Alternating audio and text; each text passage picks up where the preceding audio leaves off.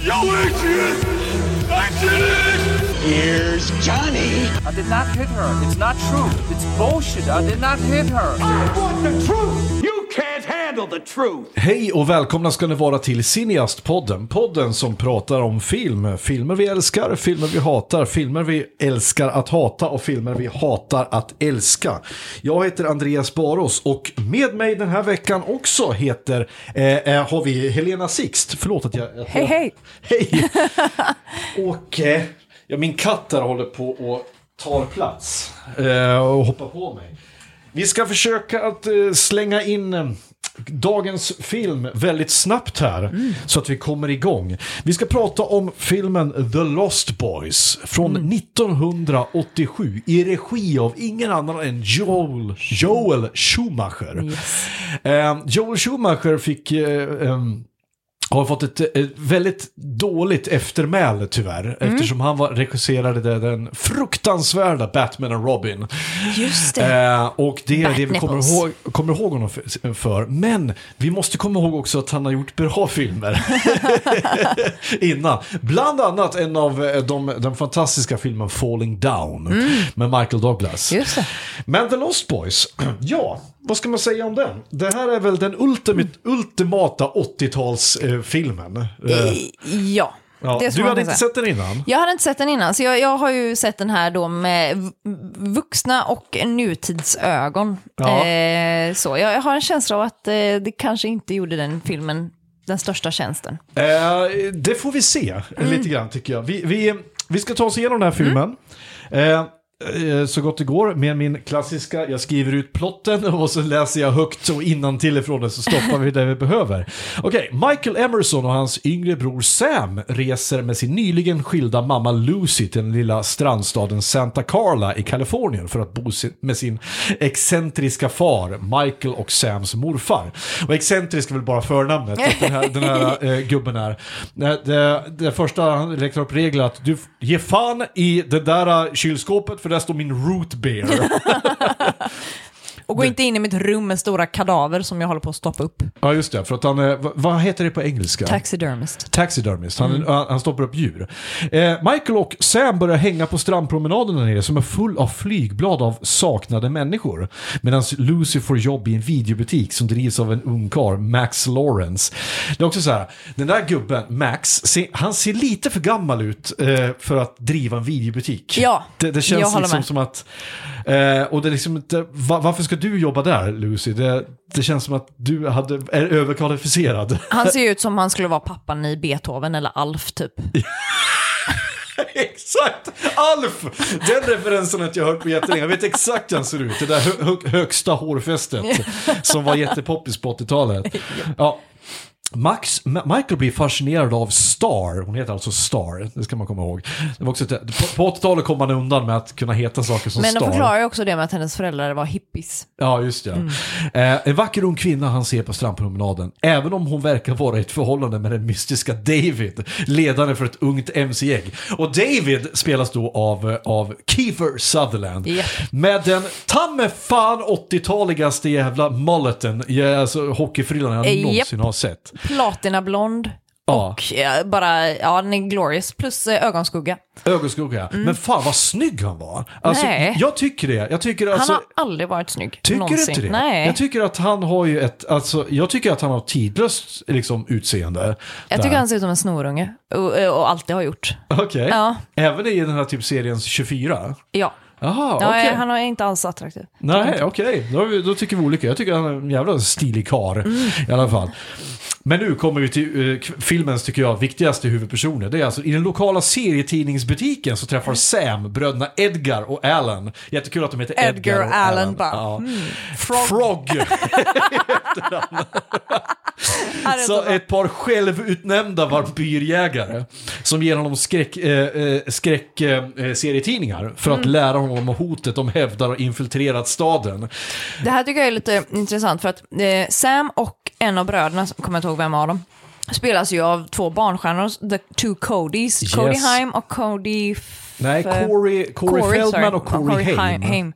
Eh, och jag måste säga att jag förstår mycket väl Corey Haims storlek. Han är en jättebra, äh, storhet, han är en jättebra barnskådis. Mm. Men Feldman är så kass. Ja, men det var det så kul, för jag, jag, har, jag gjorde en liten observation här, att Corey Feldman i hela den här filmen låter som att han försöker imitera en uppspeedad Sylvester Stallone. Ja, han har en bara, jättekonstigt mörk röst." Have you ever, have you ever fight some vampires? This, this, uh, you gotta use garlic from the vampires. Och jag bara, vad fan, gör han till bra, sig? ja. Varför gör han så här? Varför valde han den där vägen? Ja, Och- han är ett barn med någon konstig så här efterpubertal mans... Ja. Äh, Och skitkonstigt. Joel Schumacher gick uppenbarligen med på de där tagningarna också. Liksom Ja. när han liksom Yeah, you gotta, Nej, nej, use, nej. you gotta use some stakes man, dude. För övrigt, kul, kul trivia att eh, Corey Feldman gjorde rösten till Donatello i, i, i den här otecknade Turtles-filmen som Oj. kom 1990. Aha. kom. Och han fortsätter även att göra Donatellos röst. Så att, Ja. eh, det, är- det är en kul grej. Corey Feldman, för övrigt, vad har han varit med i? Stand By Me gjorde han en väldigt bra Okej. roll i. Yes, han är den killen med glasögon i Stand Jag har By Me. inte sett Stand By Me, det är. Oh, Ja. Stand By Me skulle jag säga är, är templaten för Stranger Things. Okej, mm. Ehm, du tar det här, eh, liksom, som alla filmer skulle se ut på den tiden. Eh, Ja. Barn, eh, det här coming to age, coming of age stories. Liksom, Barn, här kompisgängs... Ja, kompisgäng och så lägger du på en, en och så lägger, lägger du på en, en, en, demon, Mm. en dödsclown, så har du It. Då är det exakt samma typ av gäng. Eh, och så vidare. Så jag ska säga, om man tar alla filmer som Stephen King har gjort och, och kokat ner dem så har du den, den stereotypen av, av eh, barn, eh, Mm. barnskådisgäng. Okej. Eh, nu ska vi se. Eh, Michael pratar, pratar med Star och blir kontaktad av David som, eh, som får honom att följa med dem på motorcykel längs stranden. Och de når en farlig klippa som Michael nästan eh, eh, kommer över. De andra kommer över, jättelätt, men inte han. Nej, och det är också väldigt roligt att eh, David kör ju framför honom Ja. och lika fort, men han har inga problem att bromsa för den här klippan som, som eh, eh, vad heter han, Michael nästan eh, kör över. Ja, men det är väl för att David vet om det. Ja, Jag att antar den, det. Att den ligger Jag vet där. inte. Och för att han har vampire senses. Vampire ihåg att det här, de här är vampyrer. I alla fall. Eh, på gängets eh, tillhåll, alltså ett lyxhotell. Eh, eh, det här är väldigt coolt faktiskt. En väldigt coolt headquarters. Som Mm. Det är alltså ett hotell som har sjunkit ner i marken. Så, Är det ett hotell? Jag tror jag fick för mig att det var en nattklubb. Ja, det är ett lyxhotell som ned, nedsänt under klippan av jordbävningen 1906. Ah, okej. The Great One. Eh, där då, så, och eh, då får då initiera David i, en, i, en, i gruppen då. Star, han, hon varnar Michael för att dricka från, från den här flaskan och säger att det är blod. Men Michael ignorerar henne för att han vill vara cool, han vill vara med i gänget här nu. Eh, och eh, han dricker det och sen så sticker David och de andra, inklusive Michael, till en eh, järnvägsbro. Mycket märklig scen här. För, Yes. okej, det som händer vid den här bron, det är att de, de bara "Åh, ska göra sånt som ungdomar gör, det vill säga åka ut till en jävla bro någonstans. Och så bara, nu ska vi ramla ner, släpp taget bara, så hänger, vi ska bara hänga lite grann. Kul! Eh, så att det här klassiska, if your friends tell you to jump off a bridge, would, Would you, do you? it? Ja, det är precis det som Michael gör här. Han eh, ramlar ner och så faller man ihop och sen så vaknar Michael upp nästa dag. Det roliga är också att i, i, trots att alla av dem hoppar ner i, från bron och hänger under den när tåget kommer, så tutar tåget under i princip hela vägen. Ja, men det här är ju en klassisk movie trope. Ja. Det här att vi ska, de ska, eh, filmskaparna ska tala om för oss om att det kommer ett tåg. Ja, vi vet att det kommer Ja. ett tåg, men Don't fucking forget the horn! Vi måste ha tutan! För annars är det ingen riktigt tåg. Det är en sån här klassisk grej som att när du skjuter på en bil måste den explodera. Ja, Det är eller när du har hästar i bild så måste de gnägga i princip oupphörligen fast Ja. hästar inte låter så Ja, mycket. precis. För du som är en häst, du är väl en gammal hästtjej? Ja, du vet att precis. hästar gnäggar inte sådär. Inte mest hela tiden, nej, det gör de inte. Men ganska, film- ganska sällan faktiskt. Ganska sällan, Det är inte ja, ofta jag, de, de, de frustar väl mest. Ja, och inte ens det sådär vansinnigt mycket. Nej, de Så går att, mest eh, omkring. I alla fall, dagen efter så vaknar Michael upp, omedveten om hur han kom hem. Hans ög- ögon är känsliga för solljus och han utvecklar en plötslig törst efter blod. Vilket leder dem till att inte impulsivt attackera Sam.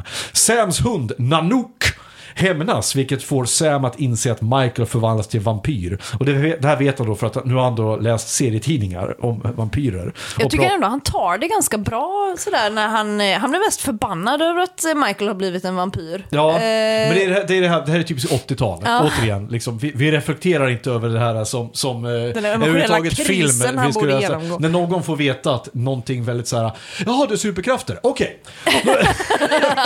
vi går vidare. Egentligen skulle man bara sitta sitta i för, förmodligen tre dagar och ställa tusen frågor. Ja, Eh, gråta i fosterställning. eh, Det tycker jag, det enda gången jag egentligen sett de, de behandlar det här bra är i serien Daredevil. När eh, Matt Murdochs kompis Foggy får reda på att han Mm. är Daredevil. Och de egentligen spenderar ett helt avsnitt med att faktiskt låta honom ställa frågor. Och sånt som han faktiskt förbannad. skulle ha gjort. När liksom, och var förbannad. Det, är, för det är så du skulle reagera. Men här bara, okej, han är vampyr. Ha, okej, hur löser vi det här nu då? Eh, Sam är först livrädd, men Michael övertygar om att han ännu inte är en vampyr och att han desperat behöver hans hjälp. Okej, Michael vet ovanligt mycket om hur man är en vampyr också uppenbarligen. Där. Ja. Eh, så Michael börjar utveckla övernaturliga krafter och ber Star om hjälp. Och det här är ju också kul. Det här, det här gjorde jag en anteckning om. Jag, var, jag måste bara tvungen. Eh, vi, vi, kan, vi kan ta lite mina anteckningar om hittills vad vi har nått, fram till. Keefers mullet, den har vi tagit rött. Okej. Och Just det, fräscha, eh, det är ganska, okej, fräscht med punkvampyrer, det måste jag ändå säga, för de är de, väldigt så här, återigen, väldigt, eh, vad ska jag säga, eh, originellt vid den tiden i alla fall. Att, men på den tiden så skulle ju, när det är en vuxen människa som ska göra en film om ungdomar, då ska de alltid säga okej nu ska jag tala kidsens språk. I Sverige så får vi Staffan Hildebrand. I USA så fick de Joel Schumacher. Staffan Hildebrand, han eh, sätter Paolo Roberto framför en kamera så ber de säga ett stycke värsting. Hon är ingenting för dig. Vi får väl se. Och så säger okej så där snackar kidsen. Bra. I USA så gör man det så att man slänger på Kiefer Sutherland en lång läderrock och genom en, en, en tu- tupéfrisyr och så tar vi Bill från Bill and Ted-filmerna. Han spelar ju också, vad heter han, Michael Winter spelar ju också en av vampyrerna. Okej, vem av dem? En kille, jag vet inte ens vad hans karaktär heter, men han Nej. dör ganska fort. Okej. det är han som blir pålad först Ah, av dem. okej, mm. Men eh, och så, så bara, okej, och så åker de motorcyklar. Eller egentligen, de åker 125 er Ja. Det säger jag som faktiskt har åkt moppe en gång i tiden. Men de, så de är, de är ett MC-gäng då. Det skulle, jag, bara, jag bara väntade på att Johnny från Karate Kid skulle dyka upp också. så hade det varit, det hade varit 100% så här, okej. School bully tropes, släng in dem bara allihopa. Och så kanske vi kan slänga in Biff Tannen från eh, Tillbaka till framtiden så har vi hela gänget. Ehm, Just ja, Grandpa, skön gammal hippie. Just ja, konserten på strandpromenaden. När Michael först träffar Star. Ja, Kommer du ihåg det? ja, Med han som är- ser ut som en fucking wrestler. Wrestler! Jag satt hela tiden och tänkte Ja. bara, "Eh, gud han ser ut som Shawn Michaels, det är det inte Jag, var, nej, jag bara, nej. "Vem Och jag, det var, jag det?" visste att du skulle reagera på exakt Ja. sam- samma sak, så jag var tvungen att stoppa där, googla den här killen. Ja. Han heter Timmy Capello. Okej. Och han var en stor, tydligen popstjärna på 80-talet. På riktigt? Ja, och Jaha. just den här grejen med att han spelade saxofon och, och, Och hade sig... juckade och, var inoljad. Exakt så var han. Han Oj! såg ut sådär. Och jag tänkte bara, det här är en wrestler. Ja! Så där kan ingen människa kan se ut. kan se ut sådär som han. Och jag menar så här, ni, när ni ser den här filmen, kära lyssnare, ni titta noga på den här så kallade typiska super 80-tals powerballaden It's the power of the night typ, la, la, la, la, la. Det, är så här, det går inte att bli mer 80-tal. Nej, nej, nej. Och så här, han, har, han är bara överkropp, spandex byxor, liksom långt hår, inoljad. Bandana. Och han såg ut som bara, va? om inte han är inspirationen till Shawn Michaels, då vet jag inte vem som är det. Mm. Eller om det var Fanns Shawn tvärtom. Michaels innan? Det, ja, det gjorde han, men som han hade... karaktär eller som han som... För han heter väl inte Shawn Michaels på riktigt? För han var väl någon annan Rocket, han var ju med en Rocket Boys Ja, eller vad de heter. Midnight The Rockers. Heter de. Eh, bra fråga. Han hade ju lite en annan framtoning i början av 80-talet. Så att, Ja. eh, eh, frågan är vem som kom först. Men ja, Ja. vi har ju nått peak 80-tal här någonstans. Ja, någonstans här. I alla fall, och så, eh, vad var jag skrev med då? Vampyrjägarbröderna Frog, besatt av comics. Truth, justice in the American way. säger, då. The American way. Ja, som då är, eh, ja, det är när de presenterar sig som vampyrjägare, att de fight for truth, justice in an American way. Vilket är Supermans valspråk för er som kan comics. Oj, är det sant? Det är exakt, det är precis det som, som, eh, som Superman säger. För att eh, i den första Superman-filmen med eh, Christopher Reeve, Ja. så när han presenterar sig för världen så säger han yeah, Well I'm Superman and I'm here to fight for truth, justice and American way. Han är den Oj, killen. Han är precis motsatsen till vad Batman är. Som Ja, säger ja. "I'm vengeance, I am the night. Kiefer Sutherland är genuint obehaglig tycker jag, trots lökigheten. Det, det reagerar jag på för att han får, är faktiskt obehaglig. Han ger lite psykopatvibbar. Ja, det är ja. någonting med hans isblå ögon som gör det, tycker Mm, jag. Och att han, eh, kombinerat med hans det där håret och, och lilla, den lilla skäggstubben, så, så liksom, även om inte han hade varit vampyr i den här filmen så Mm. hade han varit obehaglig. Absolut. Så jag tycker det- även scenen när de, eh, initiationsriten där, när de, Ja. eh, s- eh, de glamorar honom till att tro att han äter maskar och larver och sånt. Ja, just det. Den är, väl, den är liksom obehaglig för att han är, han är väldigt obehaglig som person. Ja, det är det jag Eh. tycker. Så att, så att eh, även om de, alltså, skulle de tagit bort vampyrgrejen och bara satt Keith Sutherland som en jävla liksom, creepy rapist eller Ja. vad som helst, så hade han funkat här. Absolut. Eh, just ja, nu har vi kommit fram till det. Eh, Michael letar upp Star. Mm. Och så bara, jag är en vampyr, hjälp mig. Nej, vi knullar istället. det kommer en sexscen från ingenstans. Japp. Och jag bara, och då, då tänkte jag så här bara, nu sitter ju Tommy Wiseau och eh, antecknar. This is how I want to make it, yes, yes. För det här tänker jag så här, vi hade ju pratat om, om, om The Room innan och att Tommy Wiseau, när han skrev The Room måste han ju ha kollat på alla 80-tals cheesigaste soft porn. Japp. Och så bara, här, här måste han ha hittat den första inspirationen. För det är ju allt. Det är en lökig låt, Japp. det är en lökig... Och så, så här, återigen, från ingenstans. Omotiverad sexscen. Varför?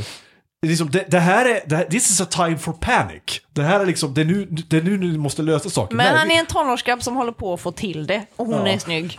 Så då kan allt Så vänta.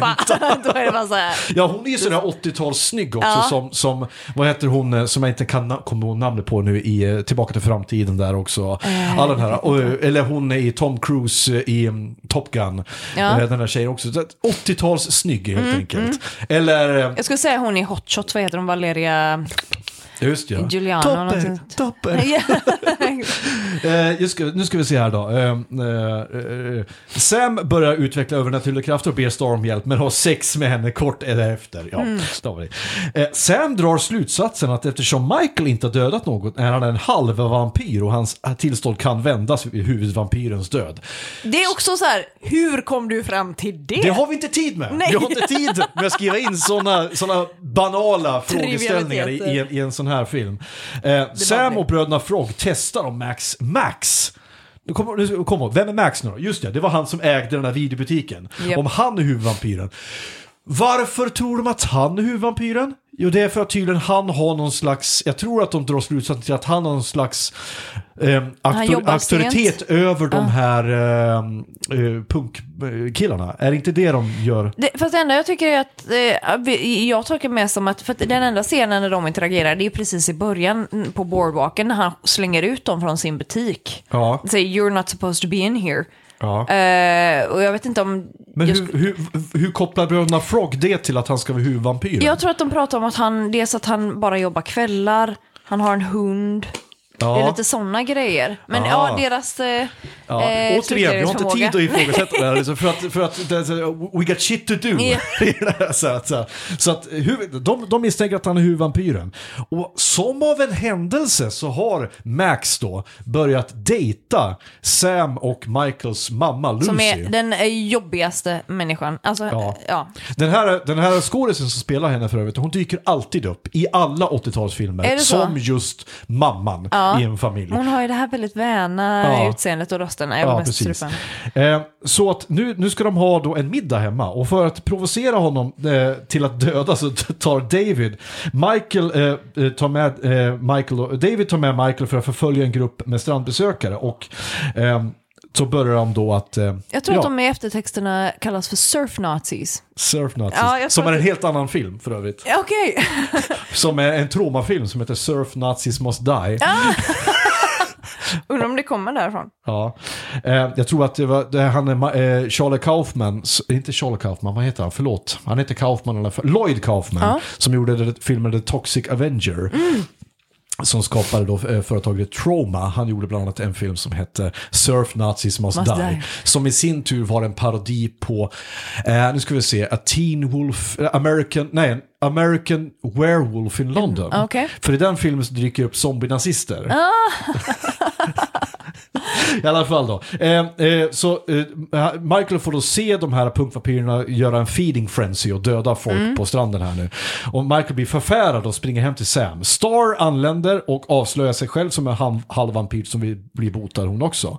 Det visar sig att David hade tänkt att Michael skulle bli Stars första mord och besegla hennes öde som vampyr. Eh, Nästa dag så leder en försvagad Michael, Sam och bröderna, eh, eh, Michael, Sam och bröderna Frog till gängets håla. De spetsar en av vampyrerna, Marco, så heter han, Michael Winters karaktär. Och väcker David och de andra, men pojkarna hinner fly och räddar Star och Laddie. Ett halvvampyrbarn som Star har som sin lilla följeslagare. då.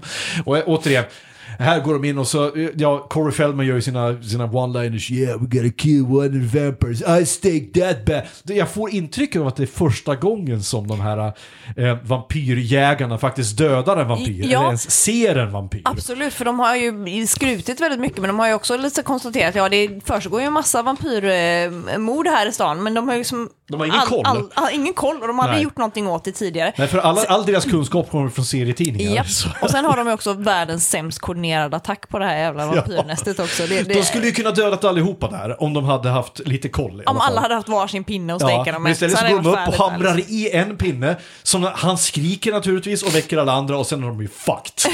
Eh, Och dränkta i någon typ av vampyrsörja. Ja, han, men tack och lov är det ju dagtid så de hinner ju fly därifrån då. Och, eh, men sen så kommer natten. Den kvällen medan Lucy är på dejt med Max och morfar går, går ut på dejt med en änka. Bara så du vet, morfar är med i filmen fortfarande. ja. så beväpnar sig tonåringar med heliga vattenfyllda vattenpistoler. Och återigen, det är nu, här skrev jag en, ko- en kommentar. Nu blir det Home Alone fast med Ja! vampyrer. Det, exakt det tänkte jag också. Ja. Så roligt. Eh, en longbow och, och med, eh, så barrikaderar de sig i huset. När, när natten faller så attackerar David gäng, Davids gäng huset. Eh, Frogbröderna och Nanook lyckas döda Paul genom att trycka in honom i ett badkar fyllt med vitlök och heligt vatten.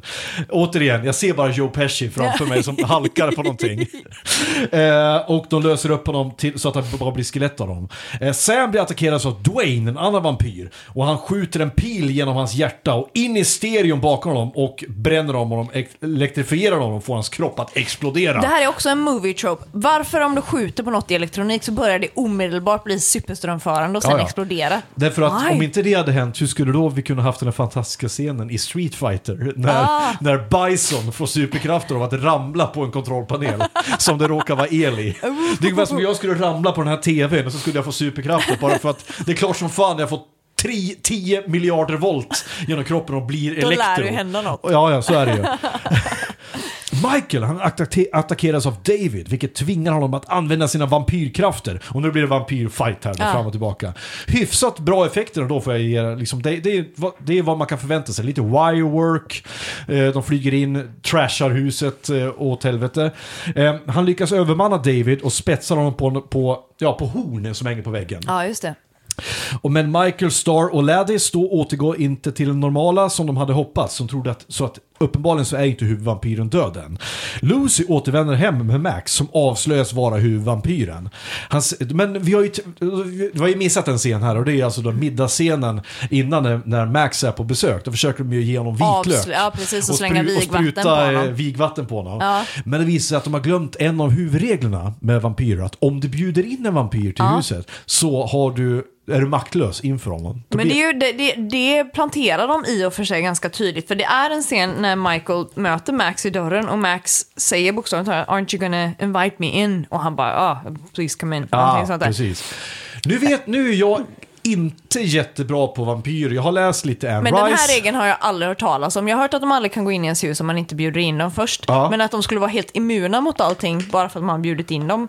Nej, det vet jag inte. Jag, jag vet inte vad Anne Rice säger om det här. Eh, Är det i, hon som är auktoriteten här? Ja, i alla fall den moderna skulle jag tro. Men hon som har skrivit en vampyrsbekännelse. Det är det. De här. Yes.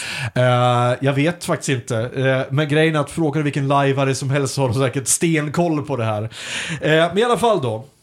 Han avslöjas nu och det visar sig att han vill, Max då, vill ju skapa en familj. Han vill ju att eh, Sam och Lucy och allihopa ska bli en del av hans vampyrfamilj. Och han visar sig då vara überstark då, han är ju mer eller mindre Dracula i den här lilla stan. Eh, men då, eh, de kan inte utnyttja några av de svagheterna eftersom han var inbjuden i huset. Eh, men Max avslöjar att han hade instruerat David att göra Sam och Michael till vampyrer så att Lucy inte kunde vägra att förvandlas själv. Eh, då hade han kunnat få eh, Lucy att bli, hans, bli mamma till hans då Lost Boys som man kallar det, alltså alla hans vampyrsöner. Max drar Lucy till honom, förbereder sig för att för- förvandla henne, så, så kommer morfar tillbaka! Sin- Han kraschar in sin jeep genom husets vägg och spetsar Mac, Max på en trästaketstolpe. Vilket får honom då att explodera. Tydligen så är han inte immun mot träpålar då, även Nej. om han har blivit inbjuden i huset. Det är liksom, det overrider all, alla regler. Så Star och Laddie och Michael blir normala efter det och efter detta blodbad och skräp så hämtar morfar en, en, en drink från sitt kylskåp och säger en sak om att bo i Santa Carla kunde jag aldrig, eh, ja, kunde jag aldrig stå ut med och det var all these goddamn vampires. Okej, det har inte planterats någonstans i filmen att han är en vampyrjägare, men det är han tydligen Nej. då. Och vad är det för psykopat-morfar som eh, typ inte så här, nej, flytta inte hit med dina två tonårspojkar, utan bara ja, ja, och sen nästan inte berätta någonting om detta för dem. Ja, och återigen, jag, det var kul att jag skrev ner det här också, bland annat med mina, eh, köper de inte vampyrgrejen lite väl fort? Hade jag faktiskt skrivit i mina anteckningar. Och så, vampyrjägar Home Alone. Där har vi det. Japp. Det är precis det där. Och det är The Lost Boys. Och det är intressant att höra, vad tycker du om den här filmen? Hade du roligt när, när du såg den? Ja, men jag måste erkänna att jag tyckte att den var ganska dålig. Eh, Ja. Den har ju inte åldrats med värdet kan man säga. Det är mycket knepigheter och den är liksom inte... Den, den försöker balansera mellan eh, vara eh, lite rolig och eh, lite skräck i någon kombination. Men jag tycker att den, den, eh, den är inte tillräckligt rolig för att pull off Nej. alla de här dumheterna och tramset som den gör. Den, Nej. den är inte en Home Alone. Nej. Ehm, eh, och det gör att mycket av de här eh, eh, cheesiga one-liners och sånt, de gör sig inte riktigt. Och sen så är det Mm. Nej. vissa, eh, klippningen är lite märklig vid vissa tillfällen. Mm. Eh, så. Men jag kan, jag kan ju fatta på sitt sätt att den har blivit lite kultig Ja, eh, Det är, ändå. det, det är mer det det är skulle jag säga än en bra film. Det är en kultfilm. Det är en sån kultfilm som du har i biblioteket och säger ja men den här är kul. Men jag håller med dig om en sak, för någonting som den här filmen hade behövt det var att hålla sig till en ton. Ja. Eh, antingen att gå jätteseriöst och då hade den kunnat eh, funka. läskig på riktigt. Ja, Ja. då hade den kunnat bli väldigt bra. Då hade det liksom just det här att sätta vampyrgrejen i en modern tid med allt vad det innebär. Det kanske eh, liksom, och kanske ta in lite allvar i filmen liksom. Och, och, eh, men, eller bara gå full Ace Ventura liksom. Att eh, bara tramsa, gör polisskolan av den istället. Liksom. Förstår du? Att, alltså, välj en ton, för att det blir sällan bra när du, när du blandar toner. Eh, men vi kommer att komma till det lite grann när jag kommer till trivia om den här Ja. filmen, vad den här filmen faktiskt har inspirerat för någonting. Eh, för det första, den första Joel Schumachers tanke med den här filmen från början var att det här skulle vara som Goonies. Det var tanken att barnen skulle vara mycket yngre. Okej. Egentligen, att det skulle vara, det skulle vara barn. Alla barn, vampyrer, barn, vampyrjägare och att de vuxna inte skulle vara inblandade överhuvudtaget. Men tydligen så, så börjar man på, man har sådana här, vad kallar man det för, fokusgrupper och grejer. Att eh, det funkade inte riktigt. Nej, okej. Så att det funkade mycket bättre när de ändrade dem till tonåringar. Eh, Den här filmen Santa Carla, den finns inte i Nej. verkligheten. Men däremot så finns ju då en film som heter eh, Santa Cruz. Okej. Som då eh, på riktigt Eh, eh, där de spelade in filmen, den finns på riktigt, Santa Cruz.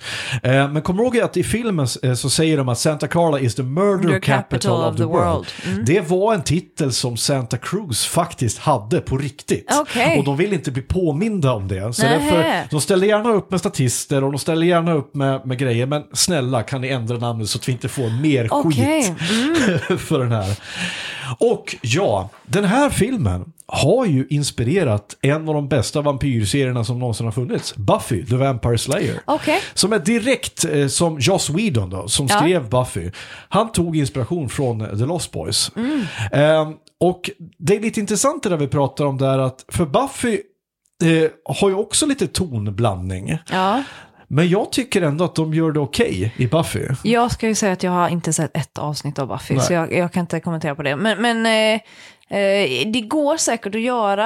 Eh, Men det krävs mer fingertoppskänsla Yes. tror jag. Du måste anstränga dig lite mer tror jag än att bara liksom komma undan med, med lite cheesy eh, 80-talsmusik och, Japp. och punk liksom bara för att få det att funka. Jag tror, det, det, är, det är en fine line att gå på. Jag tror Ja. att de flesta mår väldigt bra av att välja en ton. Ja.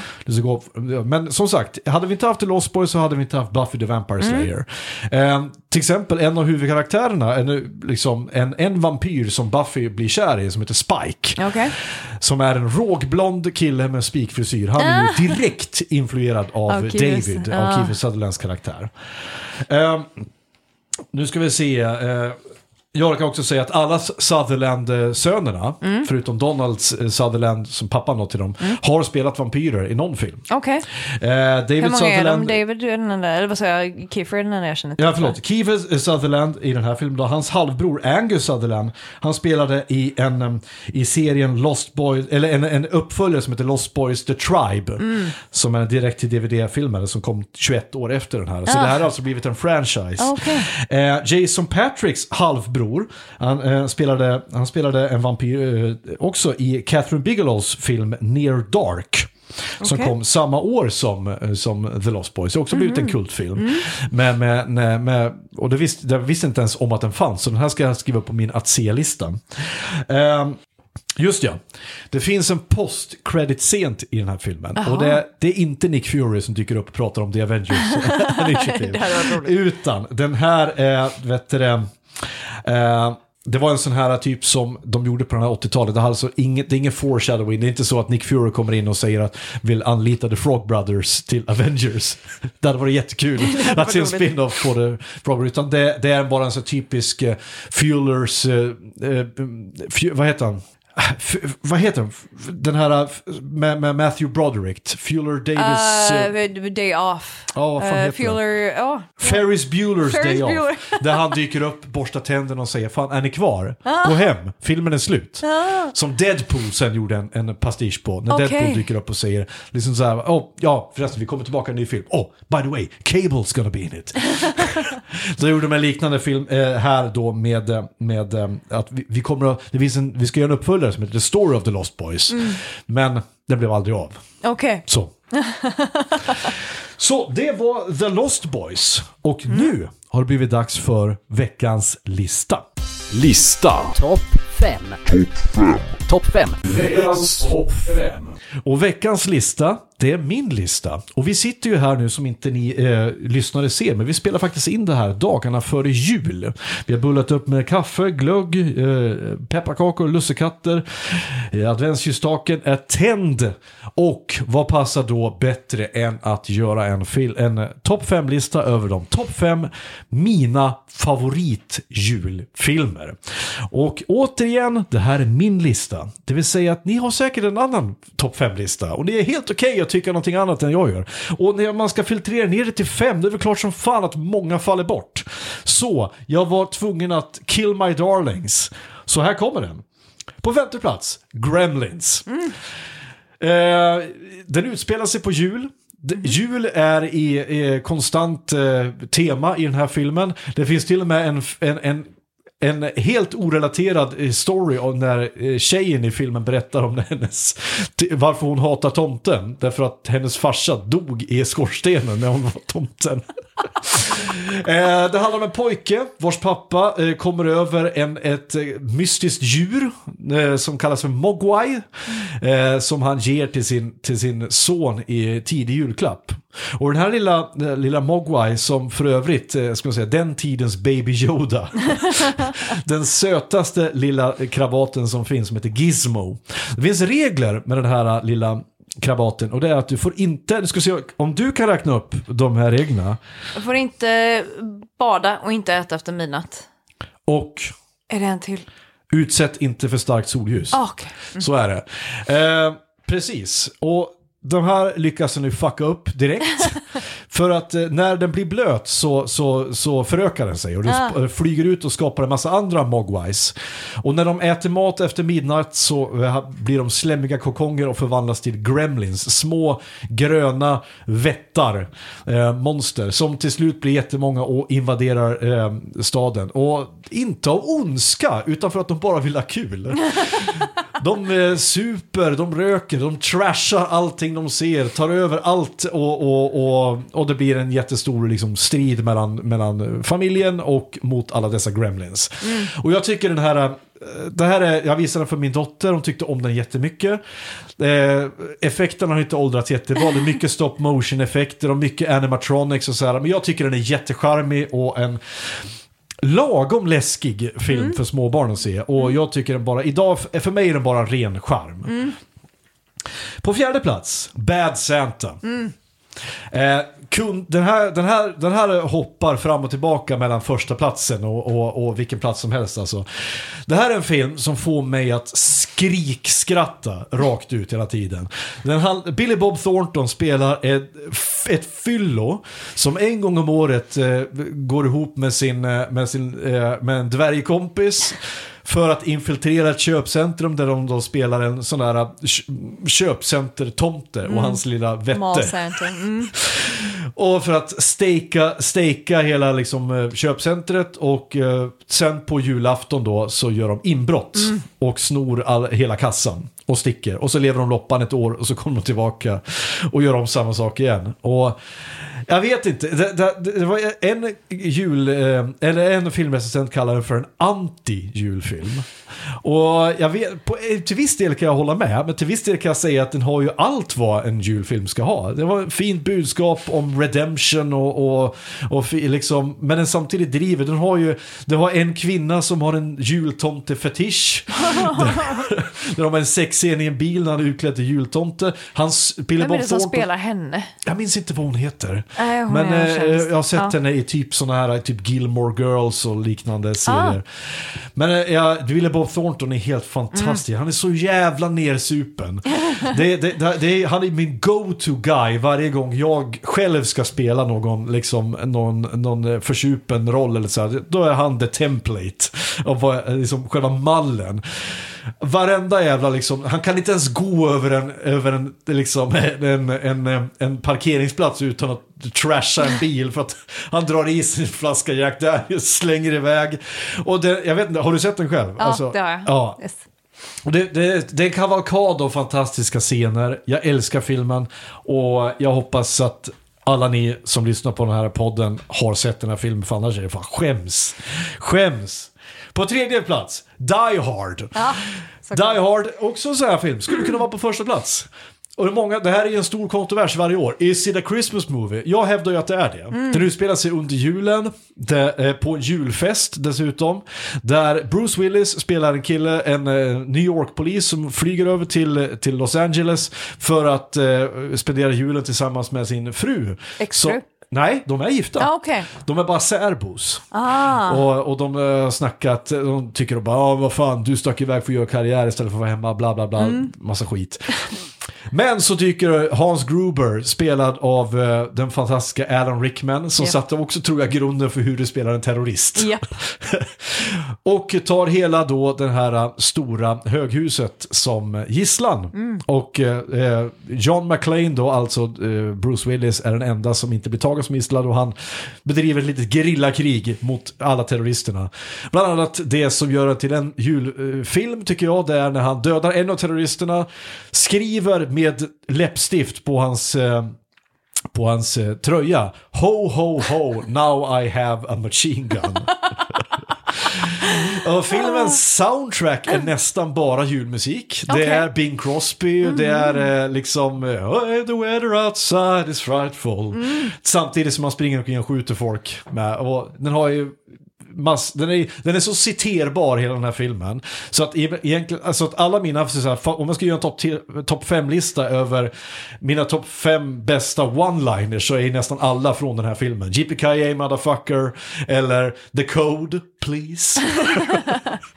eller... För övrigt, en av de bästa översättningarna på Netflix, uh, JPKA motherfucker, är uh, tjosan din jäkel. Tjosan din jävel. Och, eh, eller Go fuck yourself Hans, eller Gå och runka Hans.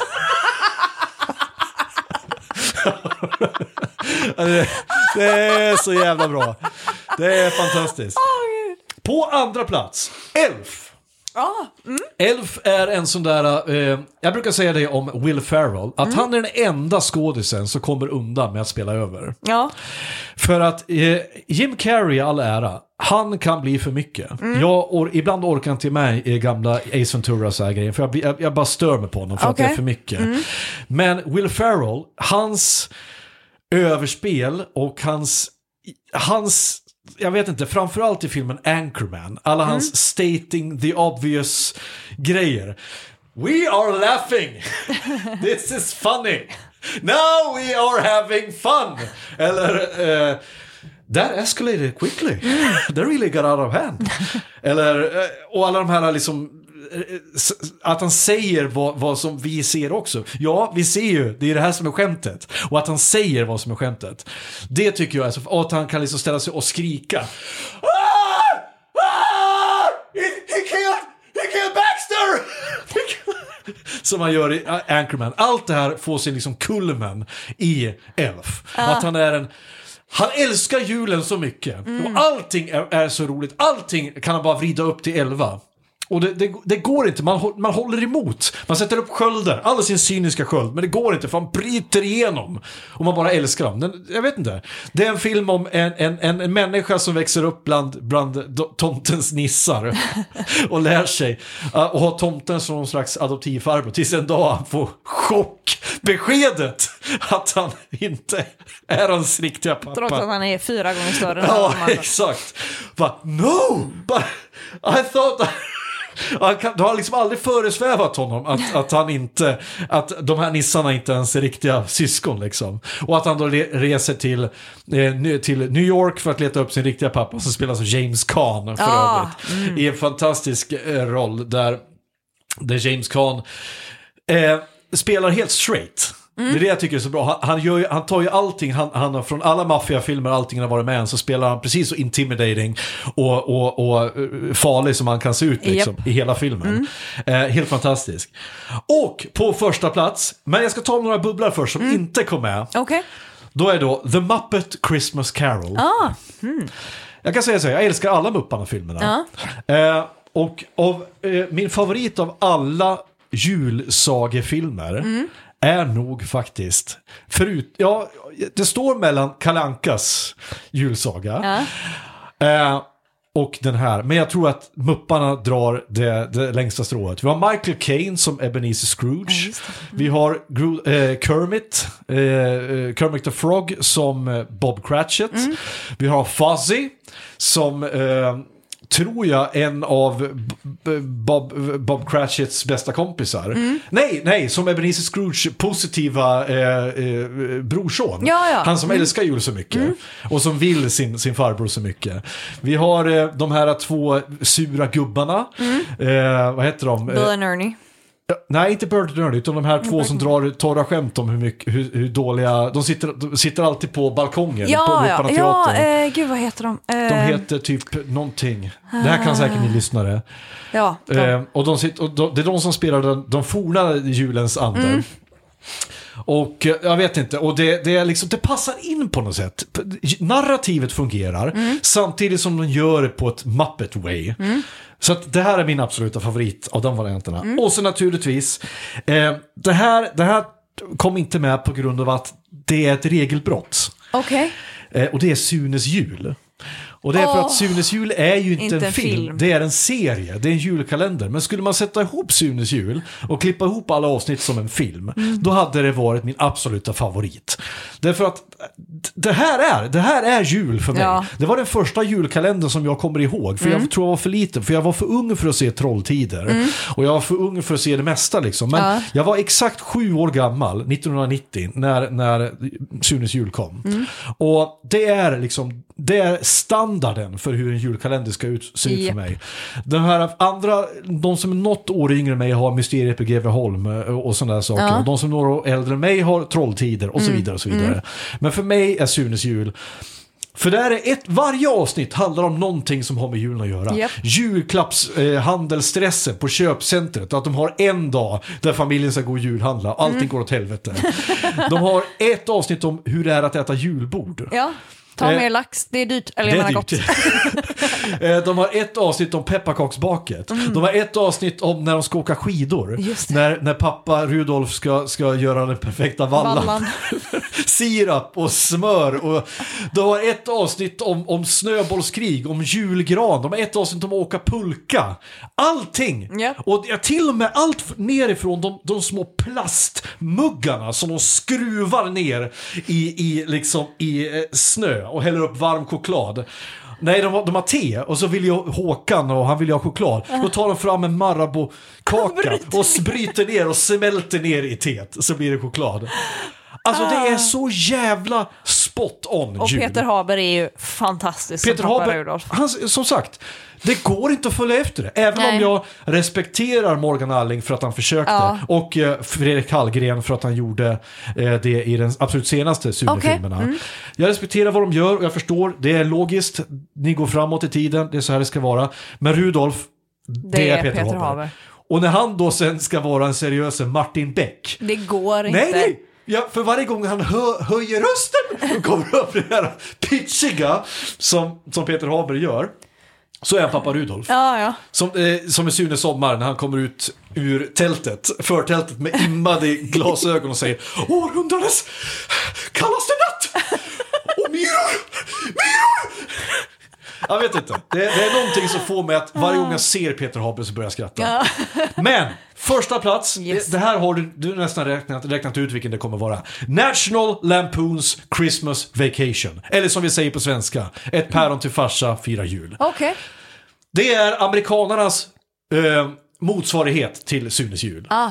Mm, ja. Eh, några referenser som vi inte vi fattar, men jag tycker, jag har sett den varje jul. Okej. Jag skrattar fortfarande åt Chevy Chase. Ja. Jag tycker att, även om Chevy Chase har ju, hans eftermäle har inte blivit jättebra för att det kommer fram att han är ett asshole och att Ja. han behandlar folk rätt illa och sexuella trakasserier och massa skit. Men det är någonting med hans komiska timing som Ja. jag älskar. Hans små subtila små ryckningar i, i, i, som jag tycker är så jävla roligt och hur han reagerar på, på, på olika situationer. Randy Quaid som hans white trash-brorsa. Eh, Randy Quaid har inte fått något bra eftermäle heller tyvärr. Han har blivit en galen anti-vaxxer som sitter hemma och spelar in hemmaporr med sin fru och ska stick it to the man och odlar tre meter långt skägg. Men vi har ju den vackra, en av mina stora 80-tals-crusher, Beverly D'Angelo som spelar hans fru. Och en liten, om du kommer ihåg filmen, eh, eller serien um, The Big Bang Theory. Ja, ja. Han som spelade, han som det handlar om. Leonard. Ja, det är han som spelar sonen Aha. till, till, till Okej. Chevy Chase här.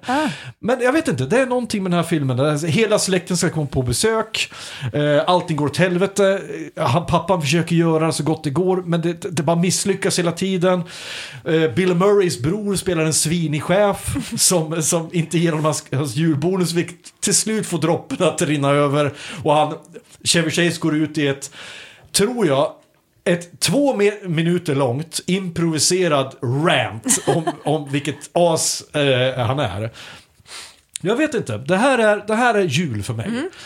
Eh, nu när du har hört den här, den här listan, har du någon du tycker jag har fel om? Har du någon du tycker att jag missat?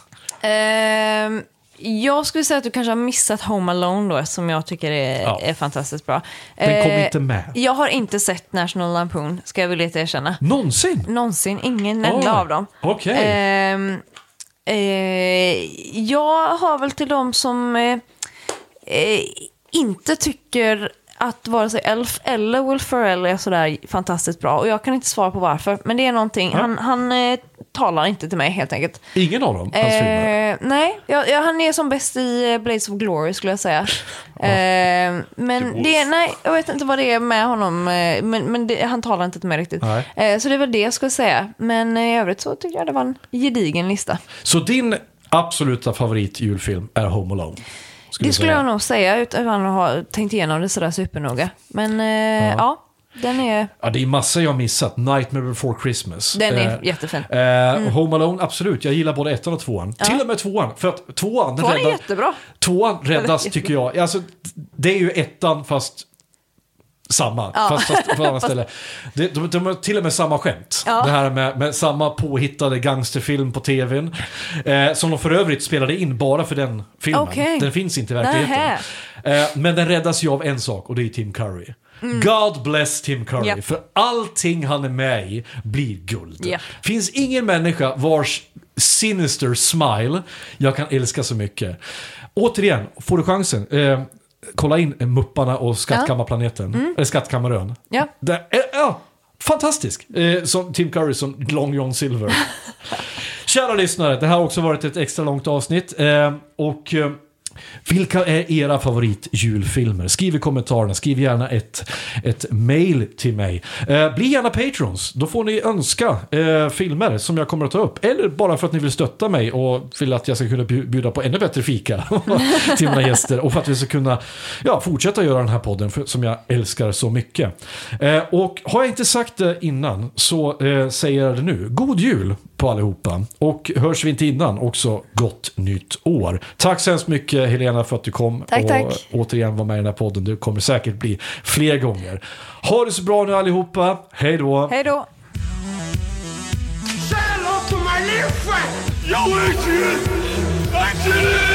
Here's Johnny. I did not hit her. It's not true. It's bullshit. I did not hit her. I want the truth. You can't handle the truth.